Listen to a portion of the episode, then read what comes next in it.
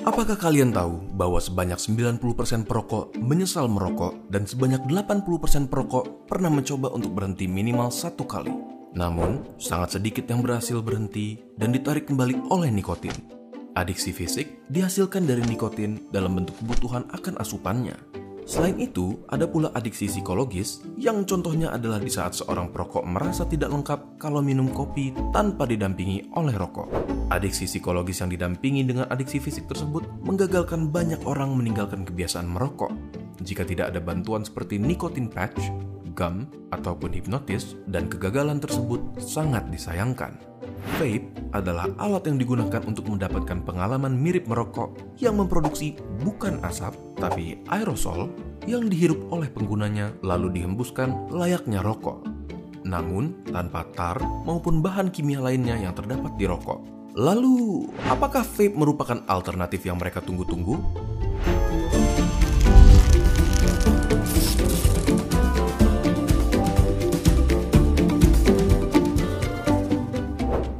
Jika kalian sudah menonton video kami yang sebelumnya mengenai rokok, kalian pasti tahu bahwa merokok melibatkan pembakaran tembakau dan beberapa bahan kimia lainnya, dan membuat penggunanya kecanduan akibat kandungan nikotin di dalamnya.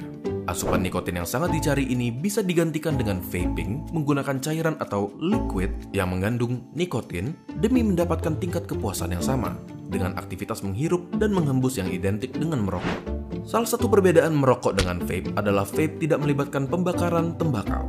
Vaping melibatkan proses mengubah suatu cairan tertentu menjadi suatu aerosol, namun tanpa harus menghirup tembakau dan ribuan bahan kimia lainnya yang kita dapatkan saat merokok. Walaupun tidak sepenuhnya, hal ini mengurangi risiko kerusakan terhadap paru-paru dan jantung.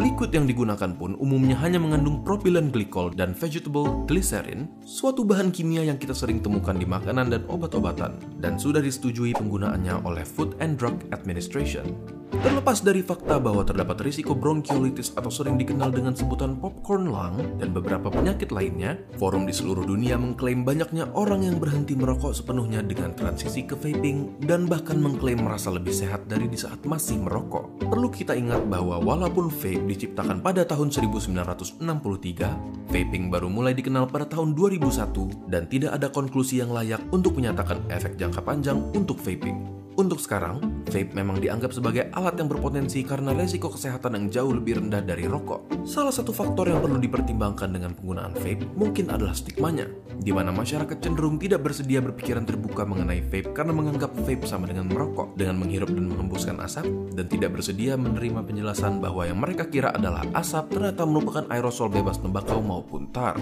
Kami sama sekali tidak mendukung maupun mencegah kalian dalam menggunakan alat ini, karena kami mempersembahkan fakta-fakta ini dari sisi kesehatan dan gaya hidup untuk dijadikan pertimbangan bagi kalian yang berniat berhenti merokok maupun mempunyai pandangan tertentu terhadap penggunaannya. Bagaimana menurut kalian? Bagikan video ini ke teman kalian untuk mengajak mereka berdiskusi dan tulis pendapat kalian di kolom komentar di bawah. Video hari ini didukung oleh Movi, Ministry of Vape Indonesia sebagai ahli dalam penggunaan alat vape dan bersedia menjawab berbagai pertanyaan kalian demi mendukung transisi penggunaan rokok menjadi vape dengan tujuan berhenti sepenuhnya.